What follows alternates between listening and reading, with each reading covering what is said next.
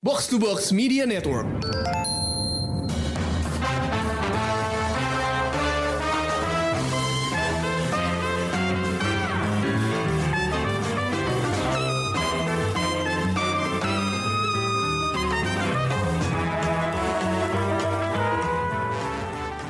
Halo pendengar Showbox. Di episode kali ini gue pengen ajak kalian balik ke dunia para remaja.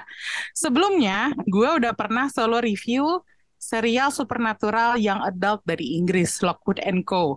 Tapi sekarang kita membahas sesuatu yang lebih dekat, lebih real, dan mungkin lebih relatable kali ya.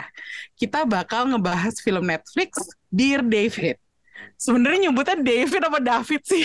Gue agak bingung nih. Tapi nggak apa lah ya. David. Oke okay, Dear David.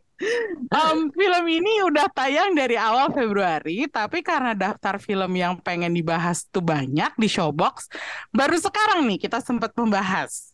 Dan udah ada bareng gue Ulil dan Priska. Hi girls Halo. Halo, kirain di diajak ke sini buat uh, masak, makan-makan. kita agak sedikit uh, pindah halauan buat Priska karena biasanya uh, sesuatu yang kuliner-kulineran kita kan ngajaknya Priska gitu ya. Tapi benar. sekarang kita mengajak untuk romcom. Romcom remaja. uh, ini gue cerita dulu nih, Dear David itu film arahannya Lucky Kuswandi yang dibintangi oleh Shenina Cinnamon, Emir Mahira, Caitlin Northwist, ada juga Jenny Zhang, Maya Hasan, dan Restu Sinaga antara lain ya. Dan kalau nggak salah terakhirnya itu ada Lutesha. Itu gue seperti agak-agak mengenali wajah Lutesha tapi kayak cepet banget. Terus jadinya agak nggak yakin. Setelah gue cek ternyata bener itu Lutesha um, ceritanya menurut gue lumayan kreatif. Uh, ini tema yang jarang banget disentuh sama film lokal. Karena berhubungan sama fiksi atau lebih tepatnya fan fiction ceritanya seorang cewek berprestasi di sebuah SMA SMA Cahaya yang bernama Laras itu punya hobi nulis. Tapi tulisan dia adalah tentang cowok di sekolahnya yang dia taksir, yang namanya adalah David. Kalau nggak salah sih, uh, ini apakah bisa disebut fanfic? Kalau menurut gue bisa, karena Laras ngefans sama David, jadi dia fan yang menulis cerita fiksi tentang David. Jadi fanfiction deh ya. Nah, kalau di ranah perfanfikan, cerita-cerita kayak gini tuh disebut real person fic, RPF. Nah, sama halnya berbagai cerita fanfic di dunia, fanficnya Laras tentang David itu adalah erotika. Jadi intinya fanficnya Laras itu adalah pelampiasan rasa suka dia terhadap David yang dipendem. Sayangnya abis itu terjadi tragedi, ceritanya bocor. Ya salahnya si Laras juga sih. Nulis cerita kayak gituan kok di komputer sekolah gitu. Terus dia nggak mastiin, nggak mastiin apakah dia tuh udah lock out dengan benar dari komputer sekolah yang dia pakai. Gara-gara ceritanya bocor, David juga kena masalah dan hmm. yang kena masalah juga adalah Dilat mantan sahabat Laras yang lagi jauh nih dari dia. Dari situlah ceritanya tuh jadi ruwet dan berkembang terus sampai belakang. Yang gue pengen tahu adalah kenapa Ulil sama Priska pengen nonton film Dear David ini? Silakan. ya udah gemes duluan. Karena nomor satu, gue lupa lihat di mana, cuman ya mungkin di sosial media kali ya. Adalah uh, apa namanya? Uh, kalau misalnya suka film To All the Boys I've Loved Before, watch hmm. Dear David Terus aku langsung, oh apakah ada Peter Kavinsky di Dear David? Oke, okay, tonton. Newsletter ini kali, newsletter Netflix kali. Kayaknya deh. Iya, terus udah gitu kayak apa namanya, ya ya gimana ya warga yang satu ini kan walaupun uh, hobinya macam-macam tapi uh, hatinya uh, romcom queen gitu. Jadi kayak ya lucu aja sih dan ternyata uh, waktu ngelihat iklannya uh, sekarang tuh gimana ya kayak film film rilis tuh trailernya tuh kadang-kadang suka miss ya. ya. Jadi hmm. uh, apa namanya pas ngelihat pas ngelihat sekelibatan trailernya itu seperti apa, aku tuh ngelihat bagian fantasinya. Terus udah gitu I was thinking, is this uh, apa sih ada cerita erotik fantasinya apa gimana sih gitu ya? Mungkin bagian itu yang juga apa namanya bikin penasaran gitu. Ini film Indonesia tapi ada begituannya kayak is this possible? gitu. Jadi hmm, betul. makin penasaran makin kayak oke okay, let's let's let's give this a go gitu. Dan buat saya itu jarang banget nonton film Indonesia gitu. Makanya uh, apa namanya cerita yang berbeda inilah yang uh, apa namanya yang membuat kenapa pengen nonton. As simple as that Hmm, oke. Okay. Kalau Ulil, apakah juga warga yang menyukai To All the Boys I've Loved Before? Uh, menyukai, cuman di yang terakhir gue agak hmm, gitu. oh. ya. Dan apa namanya? Uh, kenapa nonton ini? Gara-gara ngeliat iklannya cukup rame. Begitupun dengan uh, free promotionnya gitu loh yang kayak nonton barengnya lumayan kecium di sosial media. Terus akhirnya gue penasaran untuk ngeliat si trailernya tuh. Kayak wow uh, Shanina Cinnamon berani sekali dengan bajunya yang terbuka-buka untuk warga Indonesia gitu kan. Setelah dia main di penyalin cahaya yang juga lumayan ada buka-bukaannya sedikit gitu kan. Cuman kok di sini kayaknya lebih apa ya, lebih lebih banyak bukaannya aja gitu bajunya. Terus hmm. uh, kemakan juga sama orang-orang yang marah-marah akan film ini oh. gitu. Dengan banyak juga yang ya pro dan kontranya lah ketika habis nonton film ini gue penasaran tuh akhirnya ya ya udah deh cobalah nggak apa-apa gitu. Hmm, oke. Okay. Nih sekarang gue pengen ngebahas dulu tentang temanya ya.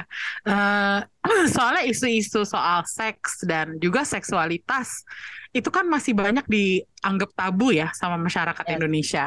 Dan terbukti bahwa banyaknya kontroversi seputar Dear David ini gitu. Jadi banyak yang bilang uh, over, ada juga yang nggak seneng dengan apa ya temanya semacam ini gitu. Uh, tapi dari bayangan lo, apakah situasi semacam ini bisa terjadi di Indonesia? Apakah ceritanya relatable sama lo? Hmm, kalau misalnya tentang re relatable, mungkin cerita kayak semacam fanfiction atau uh, apa sih er, uh, nyebutnya erotic literature ya. Kalau misalnya hmm. gitu bisa bisa ke bisa ke kayak dibeberkan ke satu komunitas gitu jujur nggak tahu ya soalnya eh, apa namanya seberapa seberapa cautious sih orang-orang yang sebenarnya menulis hal-hal seperti itu untuk membuat mereka sendiri anonymous gitu pasti ada hmm. satu ada satu sisi dari si penulis uh, yang memang sukanya menulis seperti itu yang dia emang menutupi dirinya sedemikian rupa. Jadi relatable apa enggak untuk satu cerita erotis yang dibeberkan, maybe, maybe not. Cuman kalau misalnya lebih ke foto, terus udah gitu, apa namanya, kayak uh, ya foto-foto seksi apa gimana di di di share ke semua orang gitu itu mungkin bisa lebih relatable cuman kalau misalnya something yang you need to keep a secret terus udah gitu uh, jadi ketahuan sama banyak orang. Yes there is a possibility apalagi kalau misalnya kita juga tidak mawas diri dengan penggunaan digital devices kita gitu. So it can be it can happen to anyone in terms of apa yang happen to Laras. Tapi kalau misalnya uh, apa namanya jujur kalau misalnya hal-hal yang ya beda kali ya zaman kita SMA udah ketahuan umur dia gitu. Jadi uh, apa namanya hal-hal yang kayak gitu mungkin kalau sekarang mungkin lebih uh, prone to happen. Tapi zaman kita ya belum kita belum pakai smartphone ya. Jadi uh, hmm. apa yang bisa keep a secret ya sebenarnya kita juga bisa masih bisa kita jaga gitu. Uh, kalau di komunitas kita, kita waktu sekolah sih nggak pernah ada yang separah itu sih sampai kayak si kepala sekolahnya tuh geger banget gitu. I don't know kayak believable or not. Yes, it can happen these days. Cuman experience yang relatable, not really. Gitu sih. Hmm. Kalau Lil gimana pendapatnya tentang soal tabu ini? Apakah ini bisa terjadi menurut Ulil atau itu hanya bayangan filmnya aja? Menurut gue sih bisa banget terjadi ya. Dari bahkan kayak dari segala aspeknya gitu loh. Um, dari backgroundnya Laras yang nulis cerita kayak gitu. Karena kan emang banyak juga kan um, teman-teman kita yang nulis di bisa dibilang blog kali ya tentang hmm. uh, pacar-pacar hayalannya mereka gitu loh. Hmm dari dari boy band boy band gitu. Jadi kayak iya ya jadi kayak oh ya ya ya bisa banget gitu. Dan uh, tadi Priska juga bilang masalah devices itu itu relate banget ya. Kayak kan sekarang juga lagi rame tuh. Jadi kayak mungkin saja itu terjadi gitu.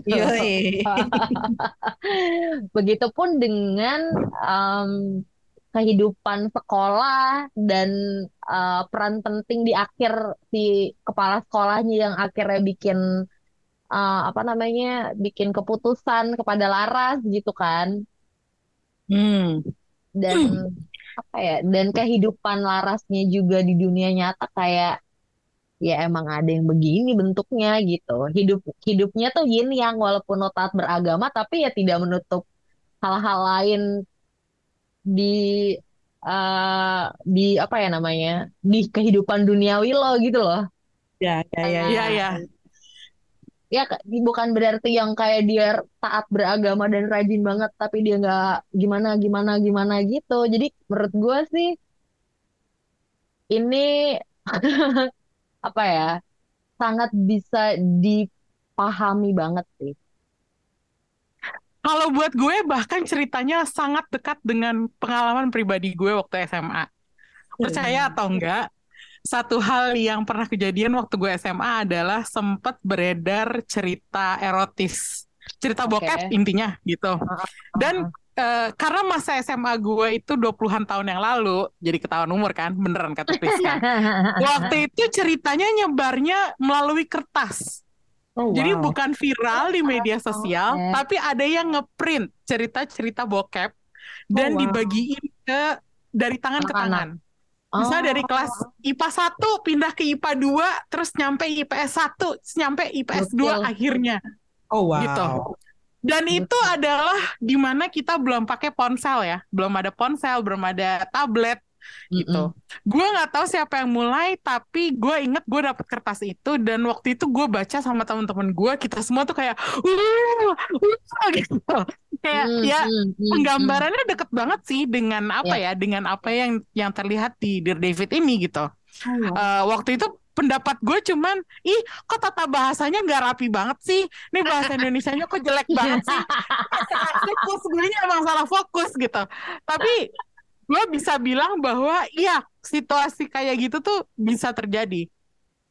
Bedanya waktu itu itu bukan cerita personal tentang orang yang kita kenal. Hmm, jadi itu yeah. cerita random gitu. Random. dan ceritanya biasanya tentang orang-orang yang udah dewasa gitu. Tapi itu beneran hmm. apa ya bokep gitu. Dan ya pada masa itu ya. Dan gue waktu itu sekolahnya di sekolah beragama. Hmm. Ah. Di mana sebagian besar guru-gurunya pakai hijab. Lo bayangin, sekolah gue macam apa dan hal kayak gitu terjadi gitu. Uh, gue rasa pihak sekolah tahu, tapi gue nggak tahu sekolah sekolah gue nggak pernah ributin.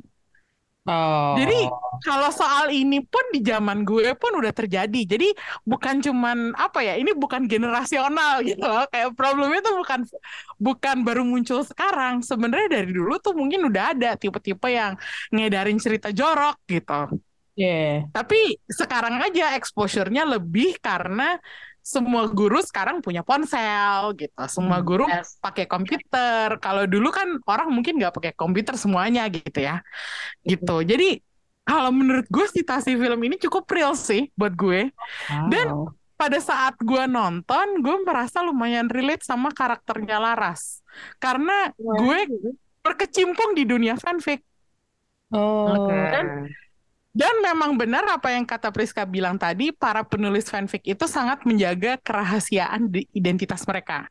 Dan dijaganya kok ketat banget. Mereka tuh bisa jadi aslinya tuh ya ibu rumah tangga, dosen, yes, yes. mahasiswa, dokter, suster atau apalah gitu. Tapi di dunia fiksi mereka tuh nggak ketahuan. Dan banyak banget penulis fanfic yang pengen diakuin dan dikenal, tapi nggak pengen mengorbankan identitas mereka. Jadi hmm. mereka tuh hati-hati banget, semuanya tuh dijaga dengan dengan ketat gitu ya. Mereka nggak mau ngasih tahu mereka tinggal di mana. Takut kalau ada yang ketahuan sama orang lain yang ternyata oh satu kota gitu, oh ternyata warga Cilandak lo ya gitu. Kayak gitu. Jadi jadi kayak apa ya? Kayak gue bisa pahamin sih paniknya si Laras waktu dia tahu fanfic itu bocor gitu. Itu pasti nggak enak banget gitu. Jadi gue cukup surprise bahwa gue menemukan sesuatu yang relatable dari sisi Laras gitu. Apakah lo berdua menemukan sesuatu yang relatable dari Laras? Atau mungkin si Dila yang lo lebih relatable? Gue setuju dengan Emmy sih Laras sih yang hmm. yang karakternya dibuat emang uh, dekat dengan sehari-hari kita gitu nggak sih? Yang ya pastilah adalah di sekolah kita tuh yang anak dapat beasiswa dan berjuang mati-matian gitu kan. Yeah. Terus hmm. Hmm. Uh, kehidupan di rumahnya yang kelihatannya real banget dan uh, di belakang-belakang akhirnya diceritain sedikit backgroundnya Dila dengan hmm. orang-orang yang juga apa ya uh, ngejudge. Mentang-mentang Dila suka pakai baju terbuka dia dibilang cewek nggak bener gitu-gitu loh kan kayak warga tuh emang gitu. Suka nyinyir ya ya bingung banget deh emang dia salah kalau nunjukin badannya bagus iya, makanya gue merasa dua karakter yang dua ditampilin di sini tuh relatable gitu. Ya, um, ya. Priska ada pendapat lain mungkin? Sebagai manusia dewasa, relatability gue adalah sama prinsipalnya. Oh ya Allah. Karena sama si kepala sekolah yang rese itu. Ibu, ibu rese. Tapi gimana ya kayak apa namanya? Uh, eh, gue tahu banget tuh tipe-tipe orang kayak gitu tuh yang kepepet gitu loh kayak ada push ada atas bawah ya uh, di push dia harus dia harus kayak membuat murid-murid itu uh, stay in line tapi ya namanya juga remaja siapa sih yang bisa ngatur mereka gitu Terus udah gitu, tapi dia juga harus uh, apa namanya kayak menjawab ke yayasan gitu yang yang pada yang yang pada akhirnya tuh kayak ada ada ada nada threateningnya ke Laras kan gitu. Kayak kita akan kita nggak akan cut beasiswa kamu, cuman kamu harus uh, apa sih minta maaf apalah segala macam gitu. Jadi kalau misalnya sama karakter utamanya waktu remaja pun kayaknya gue bukan tipe yang kayak gitu ya uh, apa namanya bukan yang menyimpan, menyimpan rahasia atau ya gitu yang kena uh, cerita porno disebarin di sekolah mm-hmm. gitu. uh, apa namanya kayak kayaknya drama SMA gue kayak agak-agak nggak apa ya kayak cetek banget gitu kalau dipikir-pikir gitu. Jadi kayak sebagai zaman gue remaja kayak kayaknya tuh kayak gini deh gitu. Kayak sekolah gue nggak kayak gini deh gitu. Jadi kayak mencari-cari sendiri kan. Cuma sebagai orang dewasa kayak gue gue ngelihat si uh, kepala sekolahnya itu tuh yang yang apa ya sekarang pun hidupnya yang dipepet sana sini tuh ya si kepala sekolah that's me gitu. Cuman cuman cuman kayak se sebagai apa sih ceritanya kayak sufferingnya si Dila I understand so much apa sih uh, di mana dia tuh sebenarnya lonely gitu. Dia butuh teman yes. gitu. Kalau yang kayak gitu-gitunya aku paham gitu. Memang ada orang-orang yang uh, aku kenal ya memang seperti Dila itu yang harus mungkin still in the closet atau nggak bisa bebas apa gimana gitu. Banyak uh, orang-orang yang kayak Dila. Cuman in terms of relatability sebagai uh, apa namanya uh, orang yang dewasa ya saya relatable sebagai yang tokoh dewasa justru even though I don't like her gitu Kayak, hmm. is that me in real life? Do I not like myself? Why? Oke, oke, oke. Ya, menarik sih, menarik sih. Um, nah, kalau kita ngomongin relatability, uh, gue agak kaget bahwa ternyata gue suka sama karakternya si David. Hmm. Waktu pertama kali gue baca tentang film ini, gue pikir sosoknya David bakalan jadi kayak karakter cowok kebanyakan. Tapi ternyata karakternya cukup dalam dan bahkan berkesan buat gue. Uh, salah satu momen yang bikin gue kagum adalah waktu dia ngomong ke Laras bahwa setelah dia ciuman sama Dila, kok dia ngerasa kayak nggak sesuai ekspektasi ya. Kayaknya kalau cowok kebanyakan tuh nggak mikir panjang sampai kayak gitu deh. Ciuman enak ya udah lanjut aja gitu. Tapi hmm. si David uh, kok ternyata dia bisa memahami bahwa kok sama Dila dia nggak serak ya gitu terus gue merasa uh, trauma mental dia yang sering bikin dia panik attack itu ternyata cukup bikin gue khawatir sama nih anak gitu kayak gue nggak gue yeah, jarang yeah. banget khawatir sama seseorang di film. Tapi gue ngeliat David gue kayak kasihan banget. Aduh nak lo tenang dulu deh. Gitu kayak sisi ibuan gue tuh jadi keluar gitu loh. Nah apa pendapat kalian tentang si David ini? David. David buat gue uh, ya ya dia kayaknya bukan orang yang bisa speak up ya. Jadi hmm, kayak hmm. kayak apa ya? Dia dia mendem aja gitu.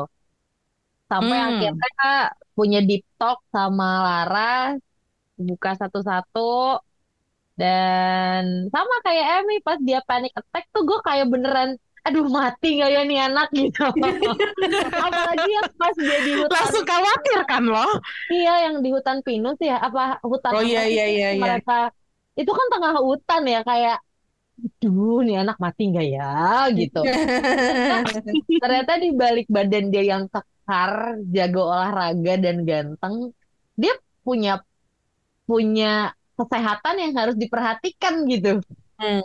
Hmm, iya itu dia. Itu surprising banget sih buat gue. Iya kan punya uh, selain panic attack dia juga ini kan apa namanya? Uh, aduh aku sampai lupa deh. Ada satu lagi tuh yang mengganggu dia tuh selain dia uh, jadi uh, panik. Dia trauma sama ibunya. Oh iya bener, dia trauma iya. sama ibunya juga. Akhirnya bikin dia um, ya dia punya ini apa ya luka batin yang mendalam ternyata ya. ya. Hmm, gitu. itu dia. Terus itu setuju juga sama Emmy ya di situ dia menunjukkan ya kalau emang gak nafsu ciuman sama Dila dan gak ada rasanya ya udah gitu kan. ternyata hmm. emang kesalahan bukan pada Davidnya mungkin. Oke oke. Kalau Priska pendapatnya gimana tentang tentang David? Gini, sekolah gua waktu SMA itu lumayan similar, lumayan sama kayak si SMA Cahaya ya. Jadi hmm. banyak uh, apa ya murid-murid ya siswa laki-laki yang yang ya gitu yang kayak tough terus udah gitu apa namanya uh, harus jadi atlet terbaik gitu kayak harus jadi ini yang terbaik gitu. Cuman uh, apa namanya uh, karena udah kebiasaan ngelihat si teman-teman SMA gue nih yang kayak ya gitu yang yang uh, kalaupun ma ada masalah juga mereka nggak pernah nggak pernah kayak David yang ya gitu ada ada ada uh, komentar di mana dia kok nggak se itu ya si Dila ya? Gitu kayak eh, se, se, ya every, lelaki kebanyakan yang tadi Amy bilang gitu yang yang ya udah nggak suka ya jalanin aja. Ya yang penting kan dicium sama cewek gitu.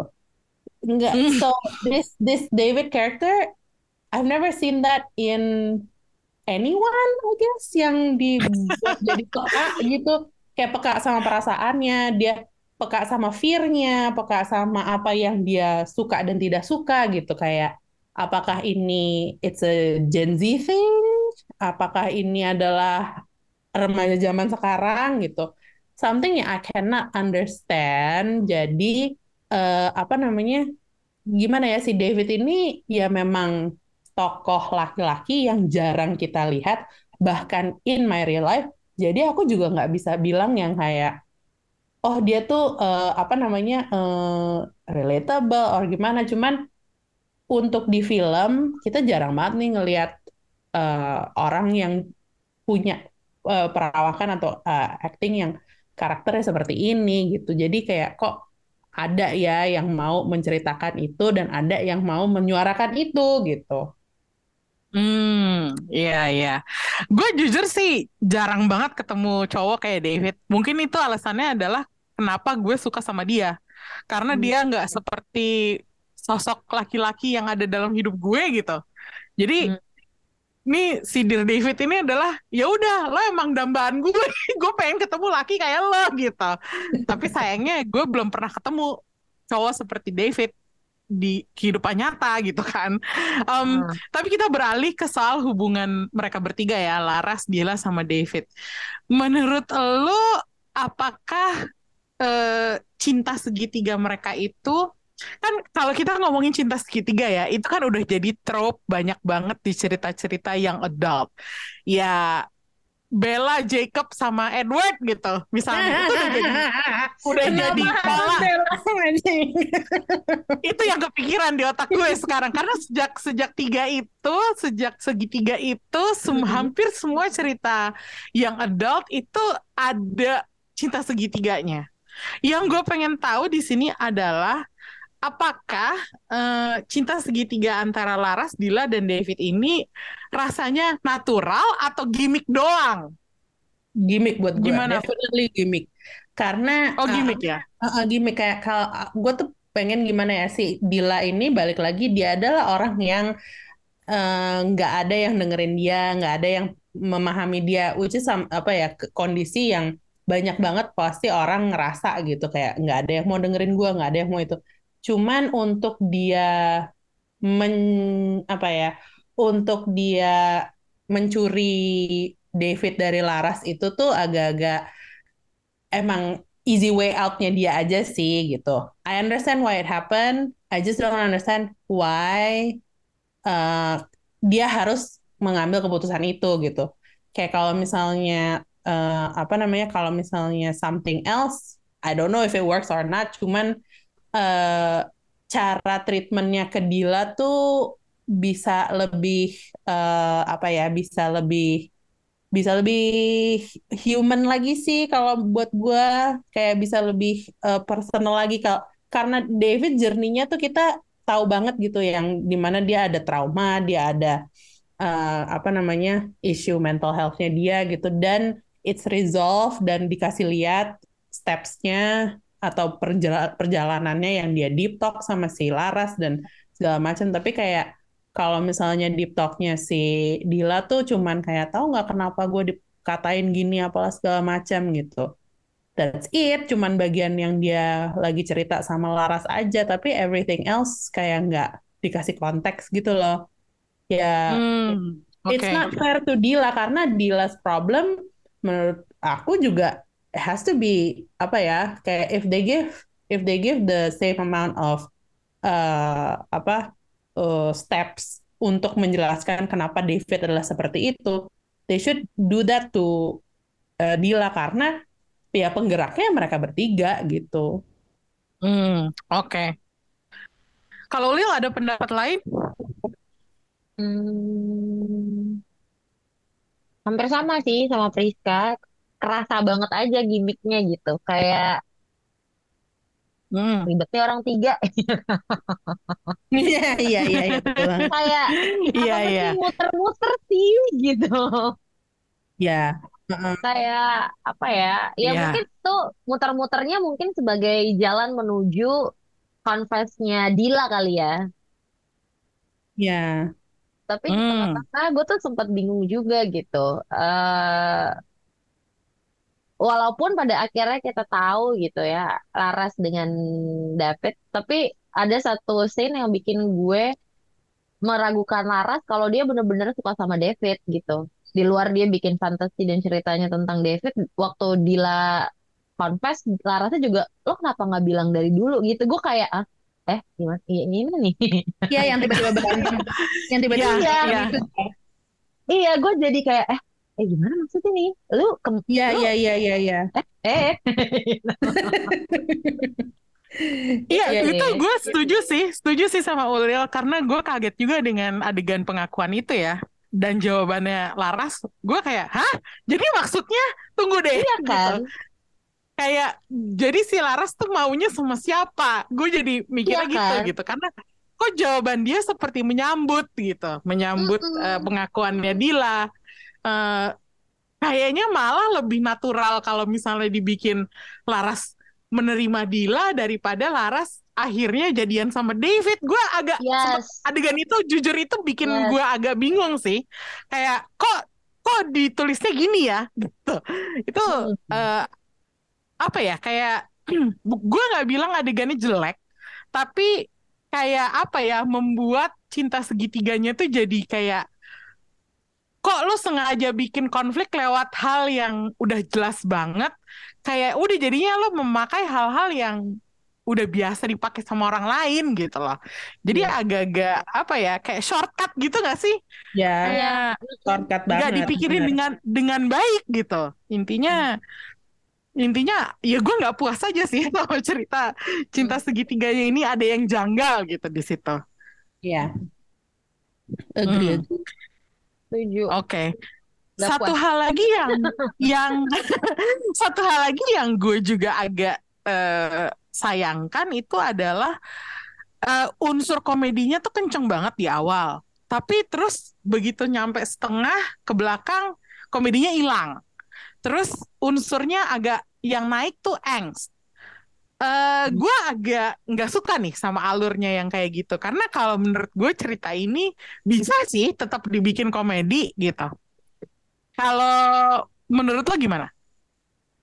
Iya, kayak kenapa yang bagian apa ya, kayak yang yang bagian komedi depannya tuh kan fantasinya tuh kita kasih lihat, kita dikasih lihat bagaimana si fantasinya Laras tuh diekspresikan dengan scene yang yang pastinya bukan real life lah gitu, kayak pure Hmm. pure fantasy. Bagian itunya tuh padahal di eh, apa kayak dikemasnya tuh bagus banget gitu kayak eh, apa si Dilanya dijadiin kotor terus udah gitu si cowok-cowok yang ada di sekolahnya jadi apa sih kayak selir ya sih Mm-mm, yang bagian itunya tuh kayak bagian itunya tuh absurd dan campy yang tapi norak yang bagus gitu ya campy gitu Ba- eh, apa namanya it's it's very well executed gitu. Cuman ya gitu kayak kayak it's like uh, they want to say that kehidupan nyata ya takes over kehidupan nyata takes over fantasy gitu. Cuman uh, apa namanya I did not think itu akan stop di situ aja gitu. Kayak mungkin ada satu apa ya uh, vi- visual expression fantasy lagi uh, pas di akhir uh, pas di akhir uh, ceritanya atau di akhir filmnya gitu. Kayak waktu kalau di Grease kan yang John Travolta sama Olivia Newton-John kan di Grease yang pertama pas mereka udah apa nyanyi-nyanyi get together kan mereka ride into the sunset gitu. Tapi itu itu, itu kan benar-benar ke- kelihatan banget itu fake gitu. Jadi that's their Mm-mm. fantasy. Nah I thought there was going to be something like that. Cuman kayak diberhentiin gitu aja. Kayak kesannya we need just a little bit more gitu untuk emphasize that ya the fantasy is still alive in Laras gitu. Nggak cuman karena dia dapat uh, kebebasan dari uh, apa yang udah bikin dia takut gitu de- dengan sekolahnya dia yang threatening dia. Terus udah gitu dengan dia ke apa dan dia he got she got the guy gitu. Kayak uh, we need a little bit more of the visualization yang fantasinya Laras itu balik lagi cuman sayangnya tidak ada hmm. Hmm, oke. Kalau Ulil keberatan atau enggak dengan perubahan tone itu? Eh, nggak terlalu sih cuman Hmm, mm, mungkin kita mau dibuat fokus aja kali di belakangnya dengan segala kedek-dekannya anak SMA Hmm. kelas 3 mau masuk kuliah bisa apa enggak gitu. Beasiswanya gimana. Tapi em, uh, di belakang dia memang agak mau lebih serius mengangkat dan mencolek isu-isu ini sih menurut gue ya. Makanya komedinya jadi hilang gitu. Kayak hmm. di belakang kan cuma udah mulai di highlight tuh yang kayak loh kan bukan gue yang nyebarin kenapa harus gue yang bertanggung jawab? Itu kan gak adil dong buat gue gitu yang kayak yeah. yang kayak kayak gitunya terus juga akhirnya um, respect dari teman-temannya yang akhirnya ngedukung Laras keputusan besarnya Laras di speech terakhir akhirnya dia memilih untuk ngomong semaunya dia dan dia dikeluarin gitu kan yeah. dia dengan hmm. ibunya gitu mungkin mungkin uh, di tengah-tengah jadi agak jatuh gitu kayak Rizka hmm. sama Emmy bilang tadi tapi biar makin gak jatuh banget lagi aja kali ya oh gitu, kayaknya okay. emang emang emphasis apa untuk penekanan kayak ya real life takes uh, apa namanya real life takes over fantasy gitu yang kayak uh-uh. sampai mau sampai kapan lo cuman berfantasi tentang kehidupan uh, lain kehidupan. atau kayak uh, gitu. Maksudnya kayak waktu dia nenangin David di hutan yang malam-malam itu sih ada tuh yang dia kayak oke okay, oke okay, gue gue gue bikin cerita buat yeah, lo yeah, yeah. itu tuh itu bagus tuh kayak itu tuh yeah. gue love banget bagian itu kayak uh, ceritanya uh, apa bagaimana si Laras menceritakan hal yang sebenarnya simple gitu. Cuman it's something yang kayak uh, ada apa ya kayak apa sih istilahnya ya gitu second visualization dari imajinasinya Laras itu tuh yang emang menurut gue bagus aja gitu untuk diinsert yeah. di ini dan saya berharap endingnya ada seperti itu juga, tapi tidak ada saudara-saudara. Iya lagi, tapi gue setuju sih sama Priska endingnya harusnya ditutup dengan satu fantasi lagi ya, karena iya. yang waktu cerita nenangin David tuh sebuah sebuah air di padang gurun gitu. Iya, karena di, di betul betul banget.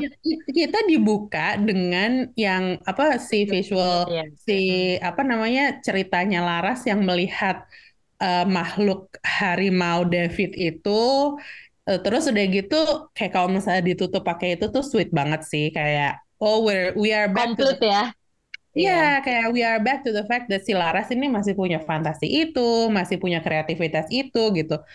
Karena udah deh emang emang yang sis apa ya apa sih uh, istilahnya begitu ya, ya pokoknya yang cerita uh, visualisasinya itu deh wah itu my favorite part my favorite part. Iya ya, dan gue ya, gue jadinya agak sayang bahwa uh, diakhiri cuman dengan Dila ngomong, nih Laras kayaknya ada bakat juga ya. Terus gue yang kayak udah gitu doang. Kayak hmm. lo cuman bilang temen lo punya bakat. Hmm, itu bahkan kalau misalnya orang yang nggak merhatiin bener-bener itu lewat adegannya gitu. Jadi yeah Iya bener sih, gue merasa perlu agak ada apa ya, bukan hanya untuk unsur komedinya, tapi kita pengen lihat apa ya, full circle-nya gitu. Yeah. Perjalanan Laras tuh dari yang tadinya sebagai pelampiasan doang, tapi ternyata dia bisa cultivate itu sebagai talentia gitu. Sayangnya itunya nggak ada gitu. Jadi secara visual kurang komplit kalau buat gue sih. Mm -hmm. Nah, sekarang kita bandingin ya. Uh, ini Priska sebagai penggemar berbagai teen romcom 2000-an awal. uh, gua sebut aja ya film-film Lindsay Lohan. Apakah Dear David ini bisa dibandingkan dengan uh, masa jayanya teen romcom itu? Uh, wah, beda banget sih. Kayak uh, kebalik lagi rom di Dear David dan com di Dear Davidnya kayak up and down nggak nggak stabil kayak yang tadi gue bilang ada satu bagian dari film itu yang ya apa namanya kayak nggak dibikin jadi sesuatu yang uh, apa ya benang merah atau ya bukan benang merah juga sih cuman kayak it's something yang konsisten gitu kalau hmm. apa uh, yes romantiknya ada yes komedinya ada tapi masalahnya pada akhirnya uh, I would not call this romcom gitu karena hmm. komedinya ya gitu ketutup jadi dengan realita hidupnya cerita Laras, cerita David dan ceritanya si Dila yang yang nggak bisa dipungkirin itu emang isu-isu yang penting buat semua orang, nggak cuman nggak cuman karena mereka remaja jadi itu penting gitu. Semua orang pasti hmm. punya uh, apa sih kecemasan, terus udah gitu semua orang juga punya rahasia gitu. Uh, semua orang juga punya uh, apa feeling yang mereka mungkin tidak cukup gitu.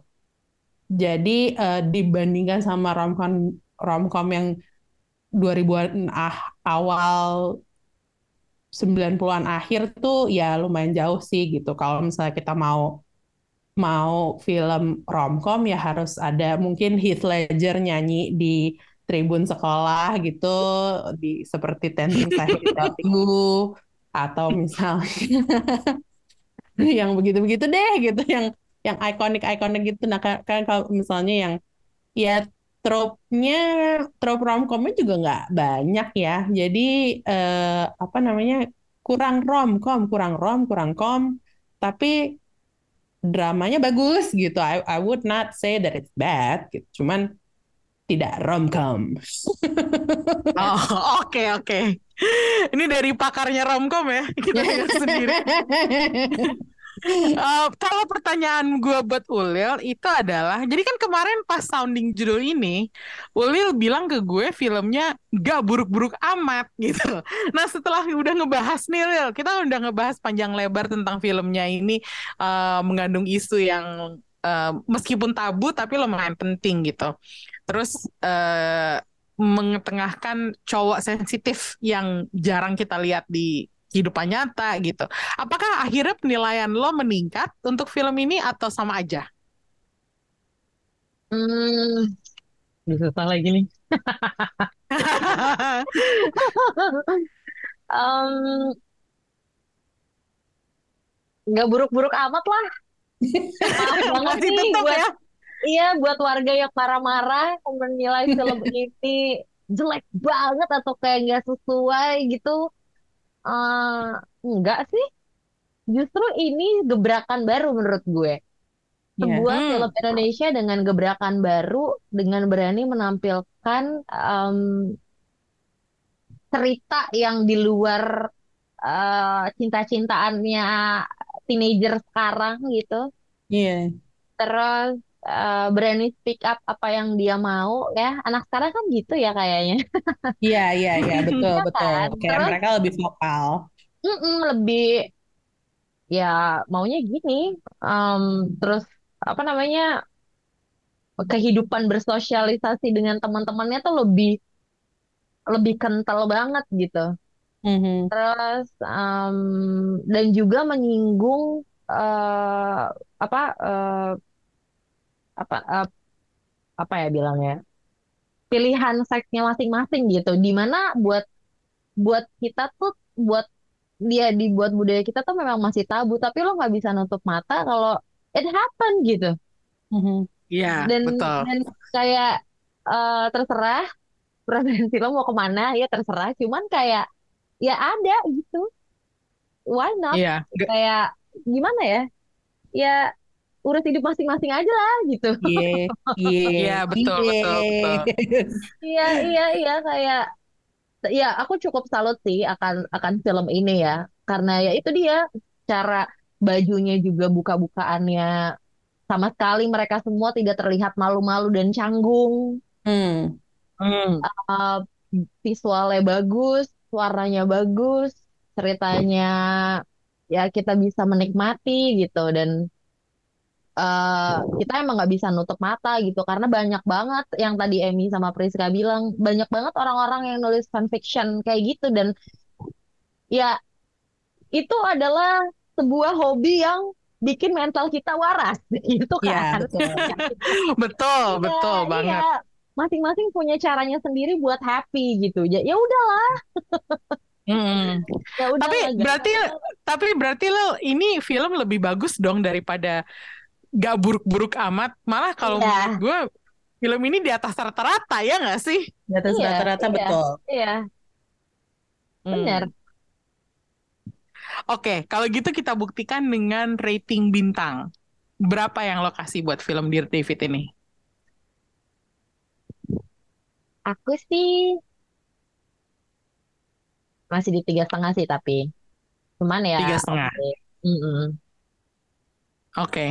Kalau Priska? ditutup dengan fantasi lagi bisa empat mungkin. Wah iya bener banget. Jadi benang merahnya tuh sampai ujung selesai gitu. Iya betul betul. Tadinya tuh gue mau ngasih tiga karena ya effortnya good job, very good job gitu. Si mainnya Shenina Cinnamon ya, Iya. penyebutannya Hmm. Shenina, Shenina Cinnamon. Mainnya Shenina Cinnamon itu eh, apa namanya bagus sih, Eh, apa pelongo-pelongo anak SMA-nya tuh dapat Yes. banget.